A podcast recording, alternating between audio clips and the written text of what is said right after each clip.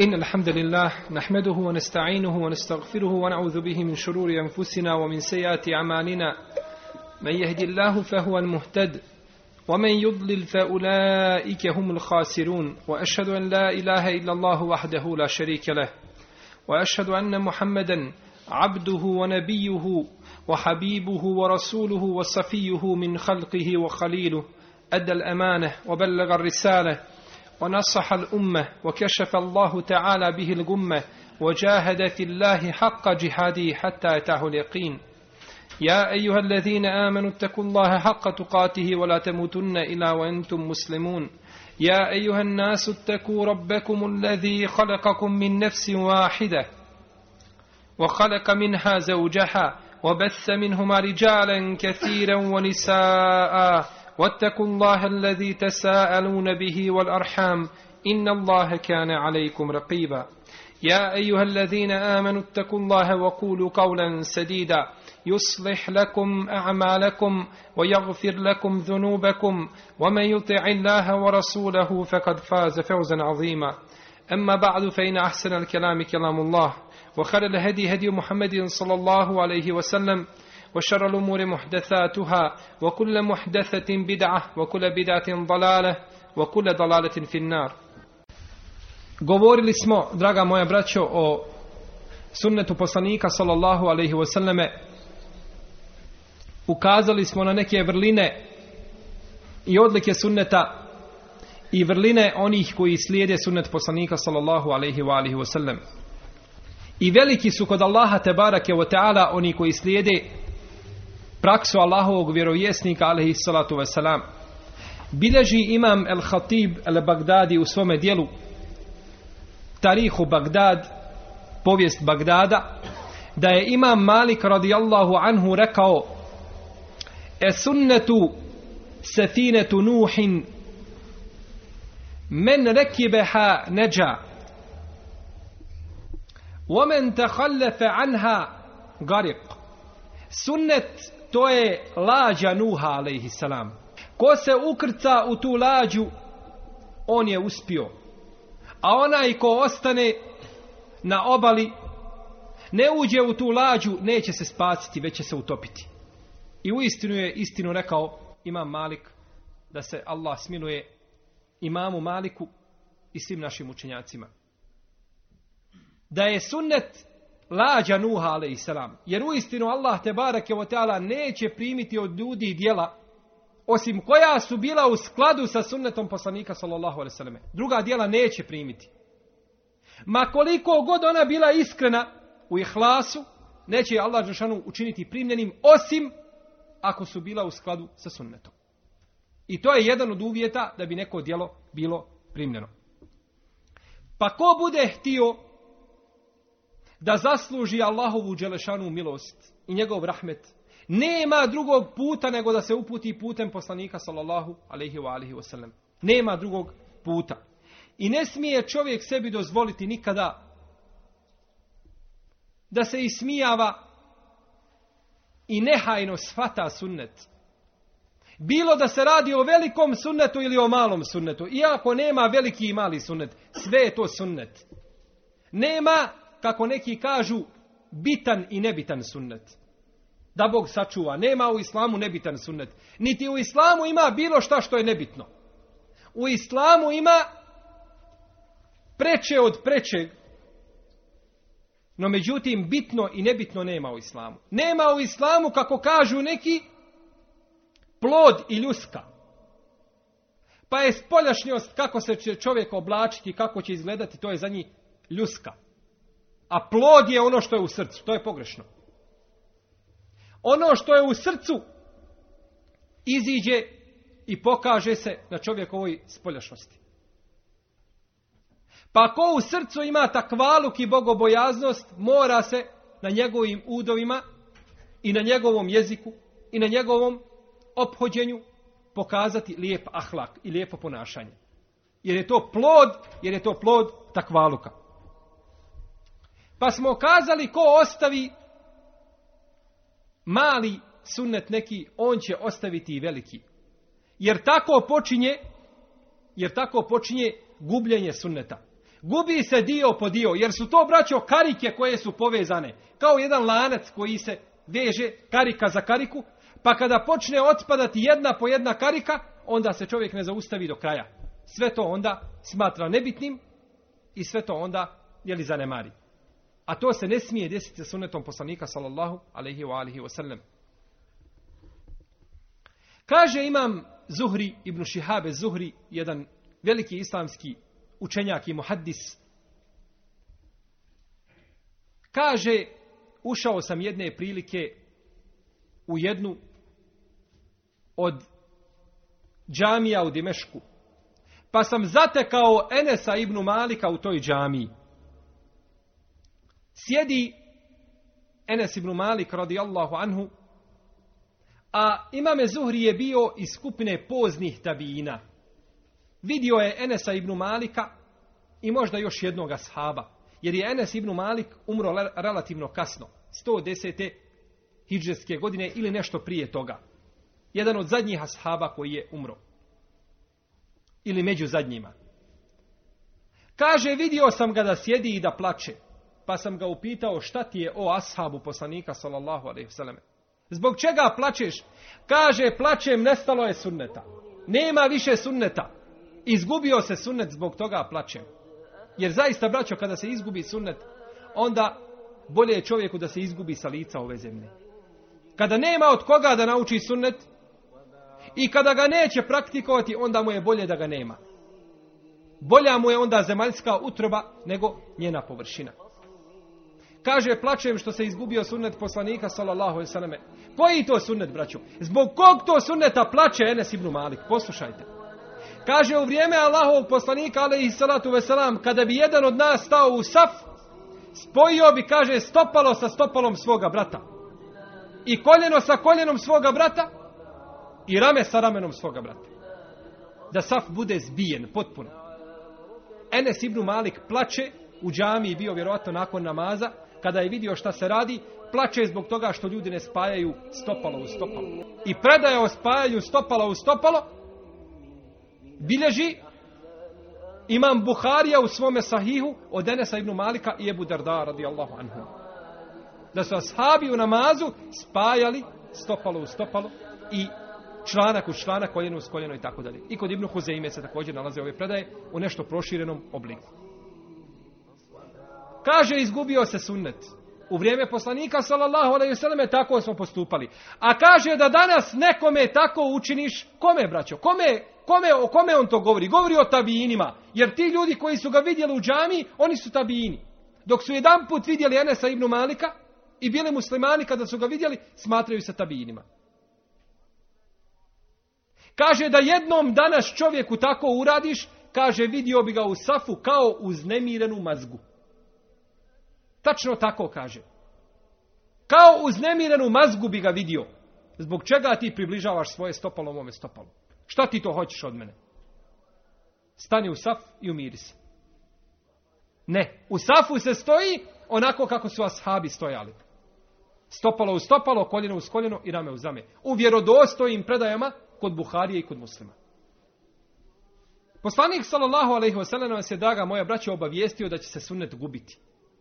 Da će sunnet, da će se habati i izlaziti iz prakse. Neće ga ljudi praktikovati. Osim kod jedne skupine ljudi. Jedna skupina ljudi će uvijek držati do sunneta. Neće sunnet nikada nestati sav pa da ga nema do jedne određene granice. Doći će vrijeme, kako je naš Selep govorio, da neće niko imati koga pitati šta je, da li je neki postupak sunnet ili nije sunnet. To je pred kraj svijeta. Ali do tada će uvijek jedna skupina biti na istini, držeći se sunneta poslanika sallallahu alaihi wasallam. Kako kaže Allahov poslanik alaihi sallatu wasallam u hadisu koga bilježe Buharija i Muslim, La tezalu ta'ifetum min ummeti zahirine ala l'haq. La jedurruhum men halefehum hatta je'tije emrullah. Jedna skupina od moga umeta će ostati na istini na pravom putu. Neće im naškoditi oni koji se sa njima razilaze, koji o njima ružno govore, koji se protiv njih bore, neće im naškoditi. Oni će ostati na istini, sve dok ne dođe Allahova Đalašanu odredba.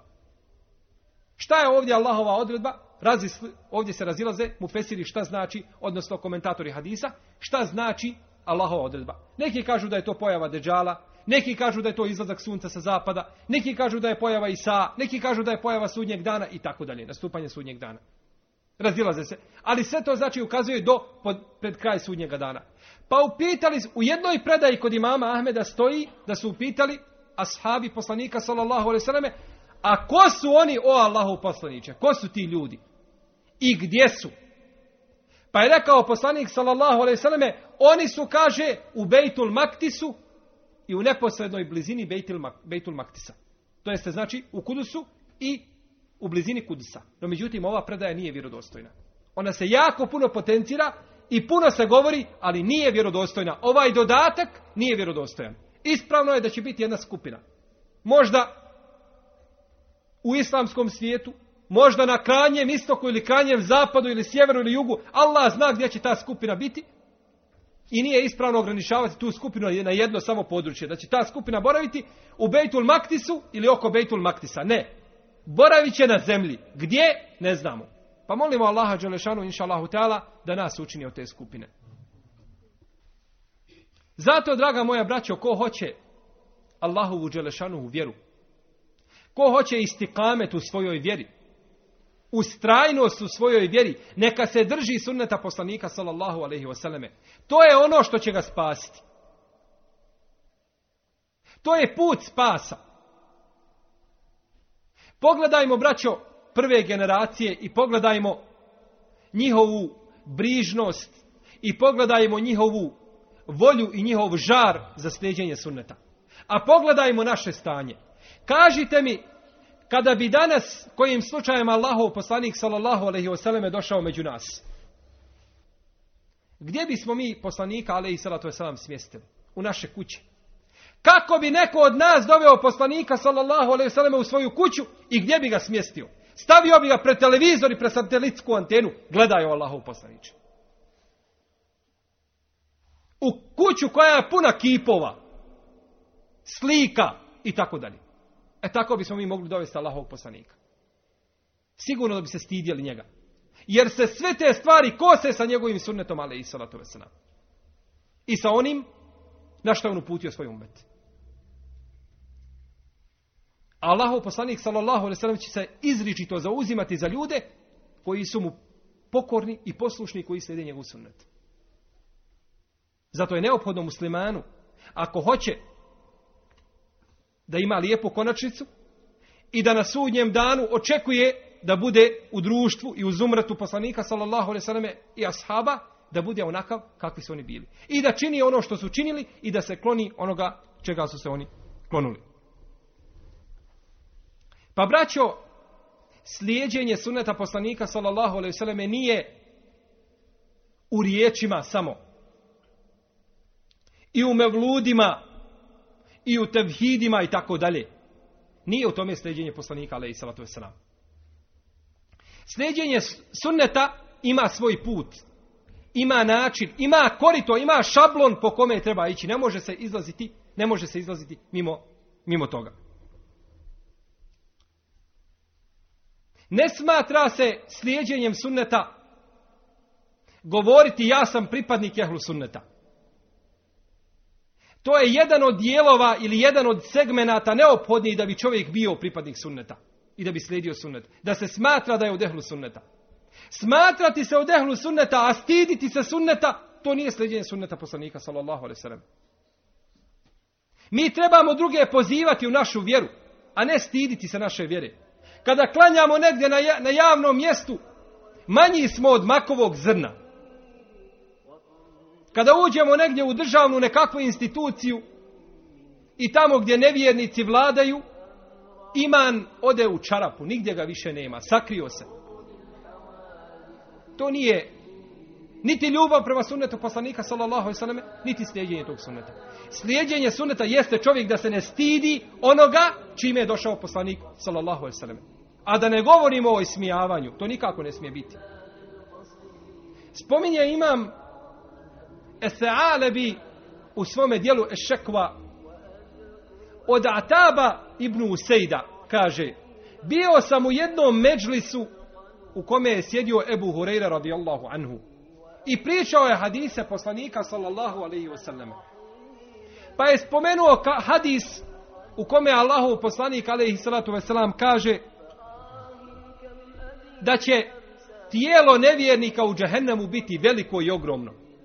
U nekim se predajama navodi kod muslima da će jahač jahati od ramena do ramena džehennemlije tri dana brzog jahanja. I neće to preći. Pa kaže, kada sam čuo te riječi, rekao sam, e haqqan je kun, kaže, je li u istinu istinu govori, hoće li u istinu biti tako? Posumnjao je. Kaže, pa sam legao to veče spavati. Pa sam, kaže, u snu vidio, kaže, kako su se moja usta razvukla i rastegla, velika usta. Jer si kazao tim ustima ružne riječi. Ružne riječi si kazao, da li istinu govori? Kaže, i vidio sam čovjeka koji sjedi i za mene, kaže, i udara me, kaže, u leđa i viče, kaže, ete stehziju bi sunnetin nebiji, sallallahu alaihi wasallame, kaže, zar se ismijavaš sa sunnetom Allahovog poslanika, alaihi salatu wasalam, ovakva ti, kaže, kazna pripada. Pa kaže, pa me udarao po leđima. Kaže, pa mi nikad više u životu nije nampalo da se ismijavam sa sunnetom poslanika, sallallahu alaihi sallame, niti da sumnjam u njega. Ovo, braćo, naravno, kada se potvrdi vjerodostojnost jednog hadisa, bilo da se radi o riječju, o riječi ili dijelu, kada se potvrdi vjerodostojnost, padaju u uvodu riječi svih drugih ljudi. Svih drugih ljudi. Salim ibn Abdillah ibn Omer ibn Khattab, to je unuk Omer ibn Khattaba, sin ibn Omera, je imao običaj govoriti kada mu neko kaže pa dobro jeste, tako je, ti kažeš da je tako sunnet, ali taj i taj je rekao tako. Pa kaže sunnetu nebiji sallallahu alaihi wasallam e haqqu entu tebe. Kaže sunnet poslanika alaihi sallatu wasallam je priječi da se slijedi od svega drugog. Kako bilježi vam Buharija u svome dijelu, Rafaul Jedejni. Sunnet poslanika sallallahu alejhi ve selleme preči da se slijedi od bilo čega drugog.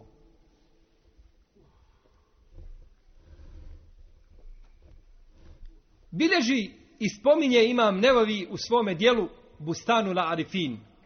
U svome dijelu Bustanu la Arifin da je jedan čovjek imao sina koji je bio pokoran Allahu Đelešanu, a on, otac, taj babo je bio nepokornik. Bio je neznalica, prelazio je preko Allahovi Đelešanu granica i smijavao se sa poslanikom sallallahu alaihi wasallam i njegovim sunnetom. Njegov sin bi išao svaki dan kod svoga profesora i šeha kod koga je učio znanje. Pa kada bi se vratio taj babo, njegov bi ga pitao šta te je to danas poučio šejh? I smijava se taj zločinac sa poučavanjem vjere i sa svojim sinom i sa tim profesorom. Pa kaže čemu te je te poučio danas šejh? Šta ti je šejh govorio i tako dalje. Jednoga dana sin se vratio i svojim ustima drži misvak. Pa kaže šta je to što ti je dao šejh? Šta si to stavio u svoja usta? Pa kaže misvak merdatun li rab matharatun li zadovoljstvo Allaha Đelešanu i čistoća za usta. Mardatun li rab, Allah je zadovoljan sa misvakom. I matharatun fem, to je čistoća za usta. Stotinu hadisa poslanika sallallahu alaihi wasallam govori o misvaku. Kako kaže Ibnul Molekin u svome dijelu Holasatu Bedril Munir. Stotinu hadisa govori o misvaku. U jednom hadisu kaže poslanik sallallahu alejhi ve toliko mi je propisivan misvak i toliko mi je naređivan misvak da sam se pobojao za svoje zube. Polomit ću svoje zube mi svakom. A u drugoj predaj, bojao sam se da će mi misvak biti propisan. Da, ti, da će biti naređen kao fard da se koristi. Brojni hadis. Kada je to vidio ovaj babo, ovaj muđrim, kaže, daj, kaže, vamo taj misvak. Pa je uzeo taj misvak i stavio ga u svoju stražnicu. Kaže, ovo ne vrijedi nigdje nego ovdje samo. šeitanski put i šeitanski način za ismijavanje sa sunnetom poslanika sallallahu alaihi sallam. Ovo samo mogu i blisi raditi i potomci i blisa. Pa je Allah Želešanu ga iskušao jednom bolešću. Iskušao ga je bolešću da mu se počeo nadimati njegov stomak. Tako devet mjeseci stomak non stop raste. Kada je ušao u deveti mjesec, rodio je jednu malu životinju sa istog mjesta gdje je stavio taj misvak. Rodio je malu životinju poput miša, koja je imala velike rogove i velike uši i dug rep. Pa je došla njegova kćerka starija i bacila jedan veliki kamen na tu životinju i ubila je. Pa je i babo odmah nakon jednog dana umro za tom životinjom. Pogledajte kako Allah te je otala kazni čovjeka koji se ismijava sa sunnetom poslanika sallallahu alejhi još na dunjalu. Prije batre ahiretske i prije džehennema. A u džehennemu mu onda prestoji prava prava kazna.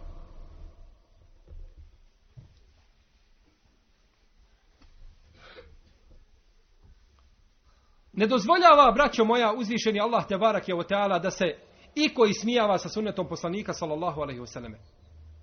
To ne dozvoljava nikome. Bilo da se radi o sunnetu koji je vađib u svome propisu ili koji je mustahab ne dozvoljava Allah Žešanu da se čovjek s otim ismijava. Nikako. Niti da, da to zanemari i da to smatra nečim malim. Da čovjek smatra da je sitnica da se popuni saf i da se zbije saf. Da čovjek smatra da je sitnica pustiti bradu. Da čovjek smatra da je sitnica misva koristiti misva kuza se nositi. Ništa to nije sitnice. Sve su to velike stvari. Sve je to ono zbog čega uzvišeni Allah te barake utala nagrađuje, obilno nagrađuje svoje robove. Zato, braćo, kada nam dođe hadis od Allahovog vjerovjesnika, alaihi salatu veselam, nemojmo se okrećati drugim riječima i nemojmo paziti šta govore drugi. Kada se potvrdi ispravnost nekog hadisa i da nije dokinut, tu padaju u vodu sve druge riječi, riječi svih drugih ljudi.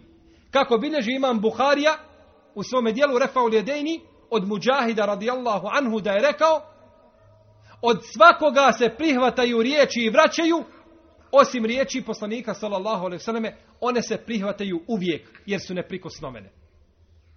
Uvijek se prihvataju. Zato imam subki kada je pitan o čovjeku koji je čuo hadis poslanika sallallahu alejhi i čuo je riječi svoga imama.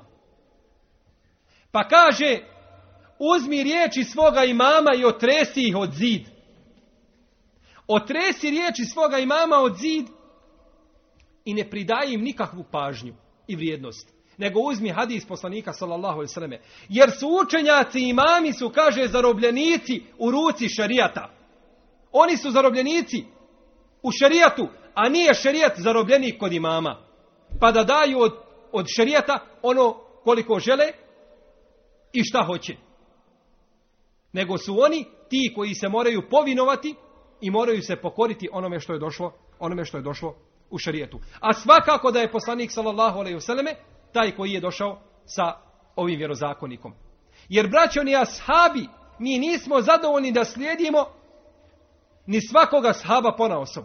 Jer svaki ashab pona osob nije znao sve.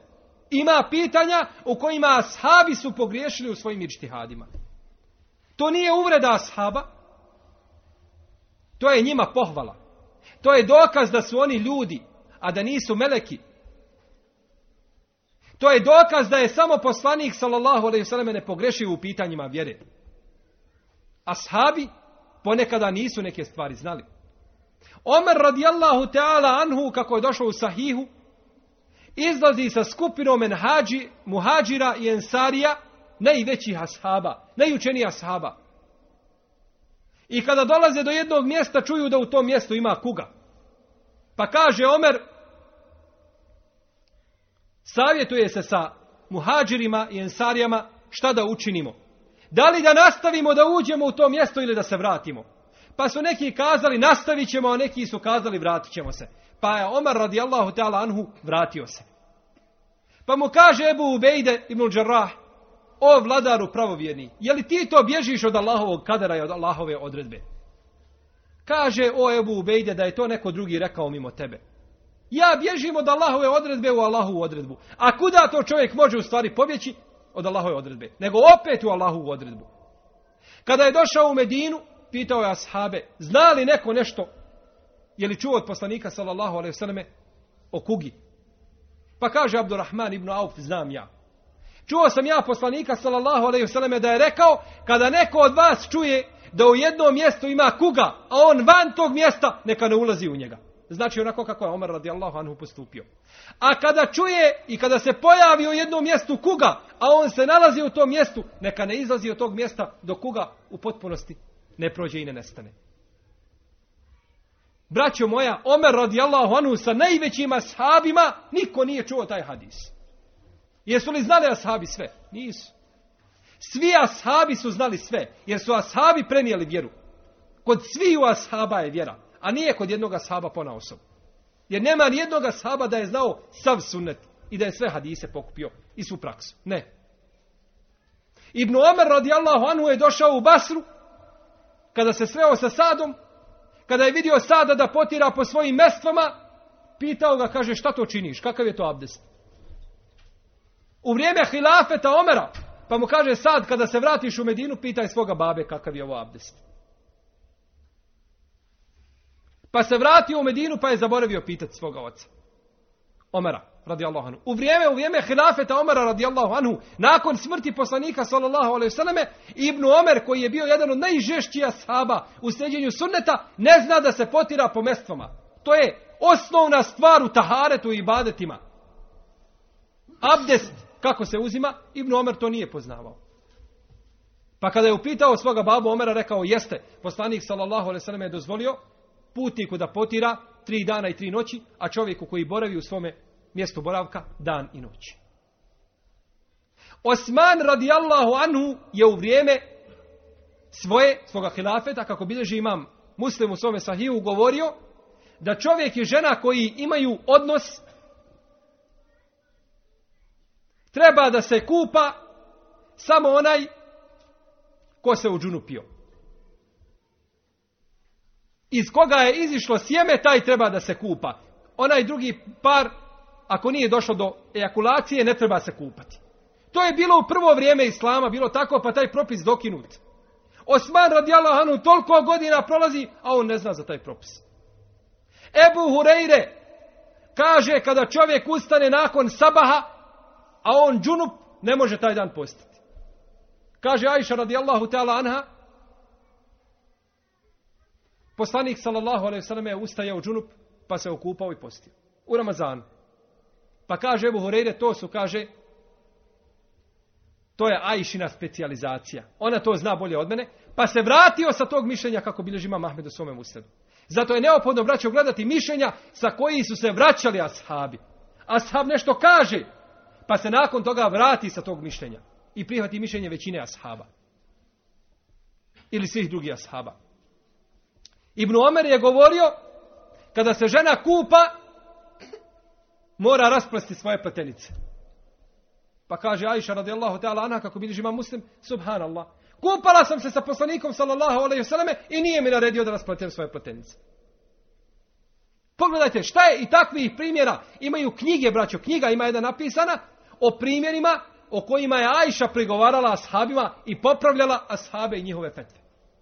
Ashabi mi nešto govorili i onda bi Ajša ih popravljala. I jedan islamski učenjak je sakupio to u jedno dijelo i naveo sve te primjere u kojima Ajša radijallahu ta'ala anha poučava i popravlja ashabe u pitanjima gdje nisu pogodili znači u svome, u svome ičtihadu. No međutim, pored toga, moramo konstatovati i potvrditi da su ashabi bili ljudi koji su se najviše držali sunneta poslanika sallallahu alaihi wasallam. Kada bi im nešto došlo od Allahovog poslanika alaihi sallatu wasallam, ne bi više nakon toga raspravljali. Jedne prilike bilježi kako bilježi Abdul Razak u svome Musannefu, da je Abdullah ibn Ravaha pošao prema džamiji. A poslanik alaihi salatu wasalam je bio na mimbaru. Pa su ušli neki ashabi i stojali su u džamiji, nisu sjedili. Pa je rekao poslanik sallallahu alaihi wasallam, sjednite.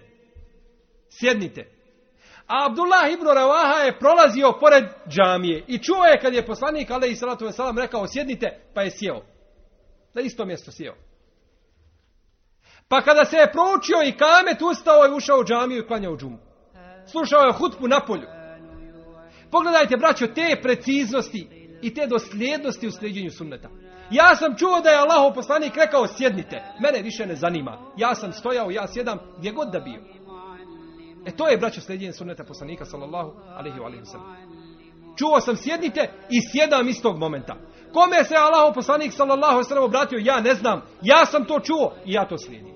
E zato, braćo, samo to slijepo slijeđenje može biti kod sunneta poslanika, sallallahu alaihi wa ne kod ljudi. Kod ljudi mi pitamo, što si rekao tako, šta ti je dokaz, i dok se ne razjasne stvari. Ali kada poslanik sallallahu alejhi ve nešto kaže, nema potrebe pitati šta ti je dokaz o Allahov poslanice. To je jasno ko dan. Jer on alejhi salatu vesselam ne govori svojih prohtjeva. Wama yantiqu anil hawa in huwa illa wahyun yuha. On ne govori po svojim nahođenjima, to je samo jasna objava koja mu se obznanjuje. Došao je jedan čovjek i pitao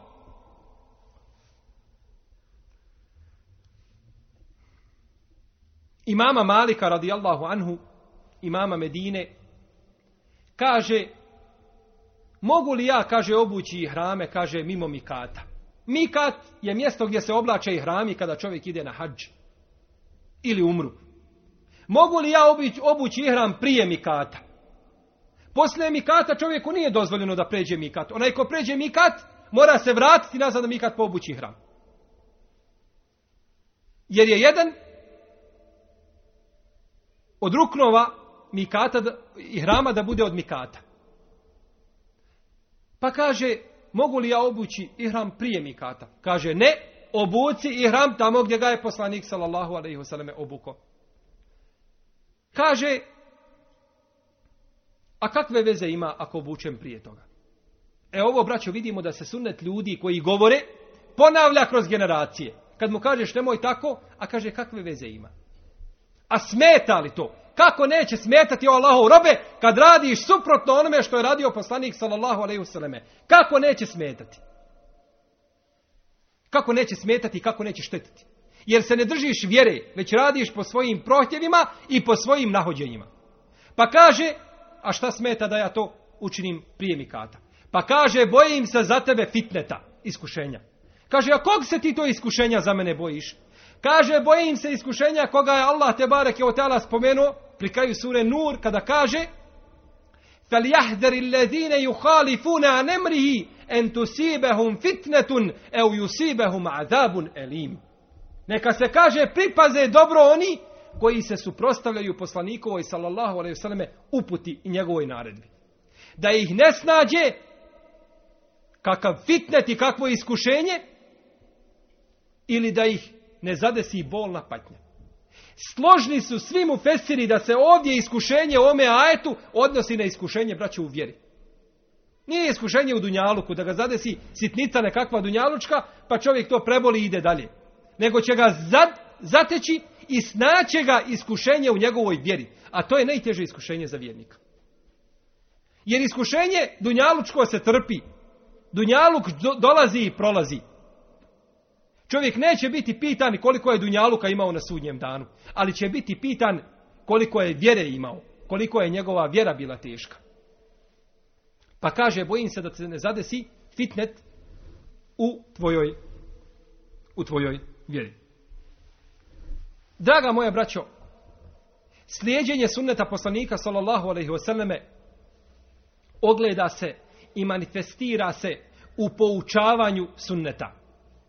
Da čovjek uči sunnet, da poučava druge tom sunnetu, da ga prenosi na druge, da ga slijedi, da proučava i izučava siru poslanika sallallahu alaihi wasallame. Kako je on živio? Kako je ustajao? kako je naveče u postelju odlazio. Kako je spavao. Kako je jeo. Kako je govorio. Kako je na Allahovom putu pozivao sve da čovjek uči. Znači da uči siru poslanika sallallahu alaihi wasallam. Da donosi salavate na Allahovog poslanika alaihi salatu wasallam. Kada se god spomene sallallahu alaihi wasallam da donese salavat. Jer za to je velika nagrada. Kaže Allahov vjerovjesnik alaihi salatu wasalam Men zukirtu indahu fa khatije es salate alaije khatije tariqa al. Kaže onaj kod koga se ja spomenem i u čijem prisustvu budem spomenut pa zanemari salavat na mene zanemario je put ka džennetu. U hadisu koga bilježi imam Tabarani, Ibn Ebi Asim sa dobrim lancem prenosilaca.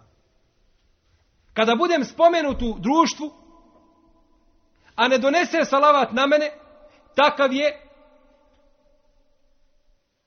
kao da je zaboravio i zanemario put ka džennetu. Ne zanima ga put ka džennetu. Inna Allahe wa malaiketehu yusallune ala nabiji. Ja ejuha alladine amenu sallu alaihi wa sallimu teslima. Allah želešanu inna Allahe melaiketehu i njegovi meleki yusallune ala nebi donose salavate na poslanika. Allah želešanu i njegovi meleki. Pa šta je onda sa ljudima? Šta znači ovdje yusallune? Šta znači ovdje ovi salavati? Yusallune ala nebi. Kaže Ebu La'alije, kako bideži imam Buharija u svome sahihu, a Ebu La'alije je jedan veliki tabijin. Kaže, ovdje salavati znače blagoslov, da blagoslovi poslanika, alaihi salatu wasalam. Uzvišen Allah, te barake u tala i njegovi poslanici. Ja eju alladhina amenu, sallu alaihi wasallimu. Ovi koji vjerujete, i vi donosite salavate na njega. Naredba od Allaha, te barake u tala, da se donose salavati na poslanika, sallallahu alaihi wa alihi wasallam.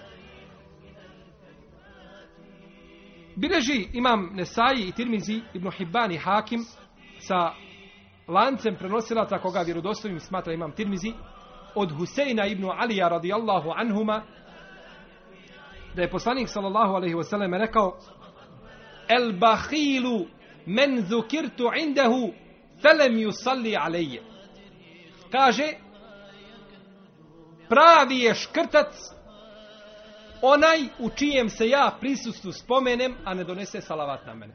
Pravi je škrtac. Alehi salatu wasalam. A u drugoj predaji koju bilježi Ibnu Ebi Asim u svome dijelu Kitabu Sala, sa dobrim lanc, oprostite, sa vjerodostojnim lancem prenosilaca, ima jedan jako bitan dodatak ovome hadisu. Kaže poslanik sallallahu alaihi wasallam u njemu, Fezalike ebhalun nas. To je, kaže, najveći škrtica. Nema veće škrtice od njega koji kada čuje riječi poslanika sallallahu alejhi ve selleme a ne donese salavat. Ovo se naravno odnosi na čovjeka koji namjerno neće ili iz lijenosti da donese salavat. Ponekad čovjek zaboravi, čuje riječi i čuje ime poslanika alejhi salatu ve selam pa ne donese salavat zato što je zaboravio ili je zabavljen nečim drugim inša Allah da ne ulazi u tu skupinu. Ali kada čovjek čuje i iz lijenosti teško mu da kaže, takav se smatra najškrtijim ljudima. I zato čovjek kada je na predavanju, donijeće salavat. Znači, polutihim glasom donijeće salavat. Ili, kada je na džumi, na hutbi, kada imam drži hutbu i tako dalje, kad spomene poslanika, alaih salatu wasalam, donijeće također salavat. Jeste. Da ne bi ušao u ovu skupinu, o kojoj je poslanik, alaih salatu wasalam, kaže da su oni najveći škrtci. U predaji koju obilježi imam muslim Ebu Davud, Tirmizi Nesai ibn Hibban i drugi od Ebu Hureyre, poslanik sallallahu alaihi sallam je rekao Men salla alaije salaten wahideten sallallahu alaihi biha ašran. Ko na mene donese jedan salavat, Allah će zbog tog salavata na njega donijeti deset salavata. Kome je onda vraća? Kome se vraća korist? Kada ti kažeš poslanik sallallahu alaihi wasallame, kome se vraća korist? Zbog tog jednog salavata koga si ti donio na poslanika sallallahu alaihi wasallame, Allah te barak je otala tebi desetorostruko vraća. Pa donese deset salavata na tebe. Deset puta tebe blagoslovi. Znači korist se vraća nama samima. Dinar koji udjeliš na Allahovom putu, Allah Đelešanu učini taj dinar bude do deset dinara, do sedamstotina dinara ili više od toga. Pa kome je korist?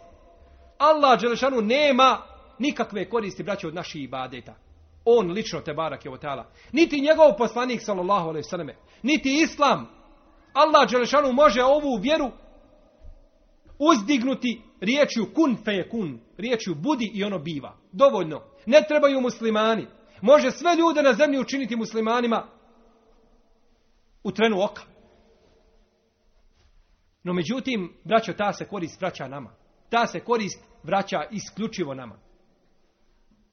A to je Allahova te barak je milost prema svojim robovima. Da im ukaže da čine nešto zbog čega će oni imati vlastitu korist, a ne neko, neko drugi. U predaji koju obilježi imam Nesaija ibn Mađe, koju vjerodostojnom smatra šeheh Albani, kaže poslanik sallallahu alejhi ve Ko kaže na mene donese jedan salavat, Allah će, kaže, zbog tog salavata donijeti na njega, na njega deset salavata. Samo to. I kaže, obrisat će mu ili oprostiti deset ružnih dijela i diće ga, uzdiće ga deset stepeni, deset darađata. Ovo je, braćo, trostruka nagrada. Da Allah Žešanu zbog jednog salavata da tebi deset salavata, to je jedno. Drugo, da Allah Žešanu ti oprosti deset ružnih i rđavih postupaka. I treća stvar, da te Allah Žešanu uzdigne deset stepeni. Samo zbog jednog salavata koga čovjek donese na poslanika Muhammeda sallallahu alaihi wa alihi wa sallam. Bileži ima Mahmed i Tirmizi i Hakim i kažu Hakim i Zehebi za ovu predaju da je vjerodostojna. Od Ubeja ibn Kjaba radijallahu anhu da je rekao o Allahu poslaniće. Koliko da ja svoga vremena učinim tebi za salavate? Koliko vremena da ja dam tebi za salavate? I koliko vremena da donosim salavate na tebe, alaihi salatu wasalam? Pa kaže poslanik, sallallahu alaihi wasalame, maši, koliko hoćeš, kaže. Ti sam, shodno svoje mogućnosti, koliko hoćeš. Pa kaže Ubej, rekao je Ubej tada, kaže, rubu, kaže četvrtinu moga vremena da donesem tebi, odredim tebi za salavate. Znači šest sati svaki dan da donosim salavate na tebe, Allahov poslaniće. Pa kaže, sallallahu alaihi wasallam, ma šit, wa in zidte, fehuva hajrun nek. Kaže, ako hoćeš, a kaže, ako dodaš na to, kaže, to ti je bolje. Pa kaže, dalje, nis, pola moga vremena, 12 sati dnevno, o Allahu poslaniće, donosim salavat na tebe. Pa kaže poslanik, sallallahu alaihi wasallam, ma šit, wa in zid, fehuva hajrun nek. Kaže, kako hoćeš, a ako dodaš, to ti je bolje. Pa kaže mu, tada Ubej ibn Kjab, Ethulusej, kaže dvije trećine moga vremena, 16 sati od moga vremena, da ih posvetim tebi, o Allahov poslaniče, i salavatima na tebe. Pa kaže, mašit, wa in zidte fe huwa Kaže, kako hoćeš. A ako dodaš, to je bolje tebi. Pa kaže, o poslaniče, onda sve ću svoje vrijeme posvetiti tvojim salavatima. E, kaže, ako tako učiniš, onda će ti Allah Đelešanu, kaže, otkloniti, otkloniti sve ono što pritišće tvoje grudi. Onu tegobu duševnu će, kaže, odvojiti svojih grudi. I kaže, oprostit će sve svoje grijehe. A u jednoj predaji kaže se, rasteretit će tvoje te duhovne stvari koje te pritišću i kaže riješit ćete svih tvojih problema dunjaluc, dunjalučkih i ahiretskih. Svih tvojih problema dunjalučkih i ahiretskih. Ako učiniš, znači, sve te salavate poslaniku, alaihi salatu wasalam. Pogledajte, draga moja braćo, kolika je vrijednost da čovjek donosi salavate na Allahovog poslanika, sallallahu alaihi wa alihi wasallam. Ova predaja koju smo spomenuli, dodatak ovaj, ima dobar lanac prenosilaca, kako kaže imam El Munziri. I bilježi imam El Bezar i Ebu Jala u svojim usnadima od Abdurrahmana ibn Aufa radijallahu anhu kaže slijedio sam jednoga dana poslanika sallallahu alaihi wasallam. Pa je kaže ušao u jedan od medinskih vrtova. Kaže kada je ušao učinio je seždu. Pao je odjedan put na seždu sallallahu alaihi wasallam i dugo ostao na svojoj seždi. Kaže pa sam počeo plakati. Pomislio sam gotovo je. Uzeo je Allah Đeršanu dušu poslaniku sallallahu alaihi wasallam. Htio je Allah Đeršanu da ga počasti da mu na seždi uzme dušu. A to je uistinu najljepša smrt. Da čovjek umre, a on na seždi. Na sudnji dan dođe pred Allaha Đelešanu, proživi ga, a on na seždi. Takav, inša Allahu Teala, ne može završiti u vatri džahennemskoj. Pa sam, kaže, počeo plakati. Kaže, pa je poslanik, sallallahu alaihi sallam, to čuo, pa je digao svoju glavu i pozvao me. I rekao, šta ti je, o Abdurrahman, zbog čega plačeš? Kaže, plačemo Allahov poslaniće, kaže, pomislio sam da je Allah te barak je Teala uzeo tvoju dušu. Uzeo je, kaže, tvoju dušu i pomislio sam da nikada neću vidjeti više poslanika, sallallahu alaihi wasallam. Kaže, nije to, Abdurrahman, nije to. Već sam, kaže, učinio Allahu te barak je Teala seždu zahvale. Sežda tu šukr, sežda zahvale je legitimna u našem šarijatu. I brojni su hadisi koji ukazuju na legitimnost sežde za zahvalu. Ima jedan dio učenjaka koji to osporava, no međutim ispravno je jače mišljenje da ova sežda ima utemeljenje u sunetu poslanika sallallahu alejhi ve selleme. Kaže učinio sam seždu Allahu te barek tela seždu zahvale. Zašto draga moja braćo? Zašto je poslanik sallallahu alejhi ve selleme učinio seždu zahvale? Kaže ovdje zbog toga kaže što je uzvišeni Allah te barek je kaže dao mome umetu od onih koji donesu salavat na mene da će mu Allah Đelešanu kaže oprostiti deset loših dijela koja je učinio i da će ga podići deset stepeni, deset ređata. Zbog toga je poslanik sallallahu alejhi učinio šta? Seždu zahvale Allahu te bareku Pa braćo, mi smo preči za tu seždu.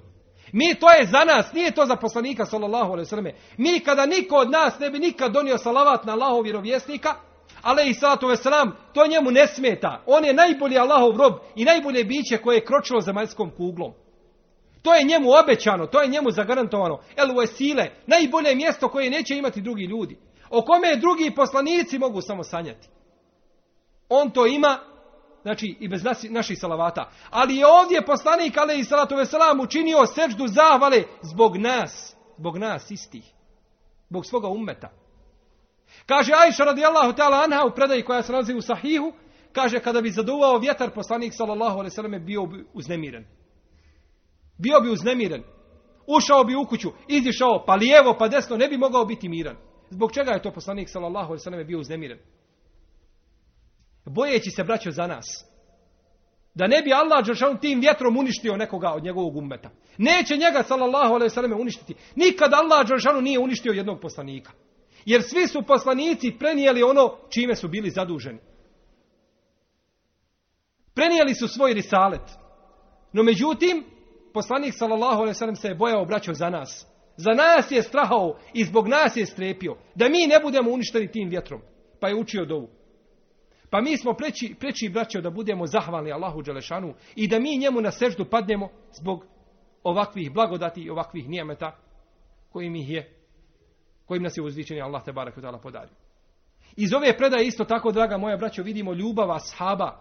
Ljubav ashaba prema poslaniku sallallahu alaihi wasallame. Da su smatrali da je Allah te barak je ta'ala uzeo njemu dušu. Bilo koja sitnica da se desi, šta je to sa Allahovim poslanikom? Kad bi se vraćao iz bitki, oni bi pitali šta se desilo sa Allahovim poslanikom. Ona žena, El Hansa, koja je izgubila svoga muža i pet svojih sinova. Kad su se vratili, kažu, kazali su, šta se desilo? Kaže, šta je sa Allahovim poslanikom, sallallahu alaihi wasallam? Je li on dobro? Ako je on kaže dobro, sve u redu. Nakon toga, ako je poslanik, sallallahu alaihi wasallam, živ, nakon toga više nema zla. I nema musibeta koji mene može pogoditi. A kaže što se tiče mojih sinova i moga muža, Es'eluhu ta'ala en jeđme'ani bihim fi mustaqarri rahmeti. Molim Allaha Đelešanu kaže da me spoji sa mojim sinovima i mojim mužem u džennetskim prostranstvima. E to je, braćo, prava ljubav prema poslaniku sallallahu alaihi wasallam. E takav je, takav je poslanik bio. On je bio po sebi nježan i blag prema ashabima, pa su ga oni zavoljeli. Febima rahmetim min Allahi linte lehum. Walau kunte fadhan galidhal qalbi lem faddu min haulik. I samo Allahovom voljom i Allahovom milošću ti si bio blag prema njima. A da si bio osor i grubog srca, oni bi se, kaže, razbjeležali oko tebe, o Allahov poslaniče. Ne bi oni ostali uz tebe. Ne bi oni bili uz tebe. I zato su ashabi govorili, kada je bila bitka na Medru, poslanik sallallahu alejhi ve sellem se savjetovao sa ashabima šta da učine. Pa je kazao jedan od ashaba, vidimo Allahov poslanice kao da želiš da znaš naše mišljenje. Kaže, reci samo šta hoćeš, reci kako hoćeš. Kreni preko mora, mi ćemo, kaže, za tobom. Nećemo biti kao narod Musa, koji je govorio Musau, ti židovi prokleti, idi ti i tvoj gospodar pa se borite, a mi ćemo ovdje čekati. Kreni, kaže, o Allahu poslaniče, kuda hoćeš, mi ćemo s tobom i mi ćemo uz tebe. Idi ti i mi smo sa tobom. Mi smo sa tobom uvijek, alaihi salatu wasalam. Bideži imam tabarani u svome al-muađemu leusatu od Ebu Darda radijallahu anhu da je poslanik sallallahu alaihi wasallam rekao Ko na mene donese svako jutro deset salavata i svako veće deset salavata, Allah će mu dati moj šefat na sudnjem danu. Biću mu ja šefađija na sudnjem danu.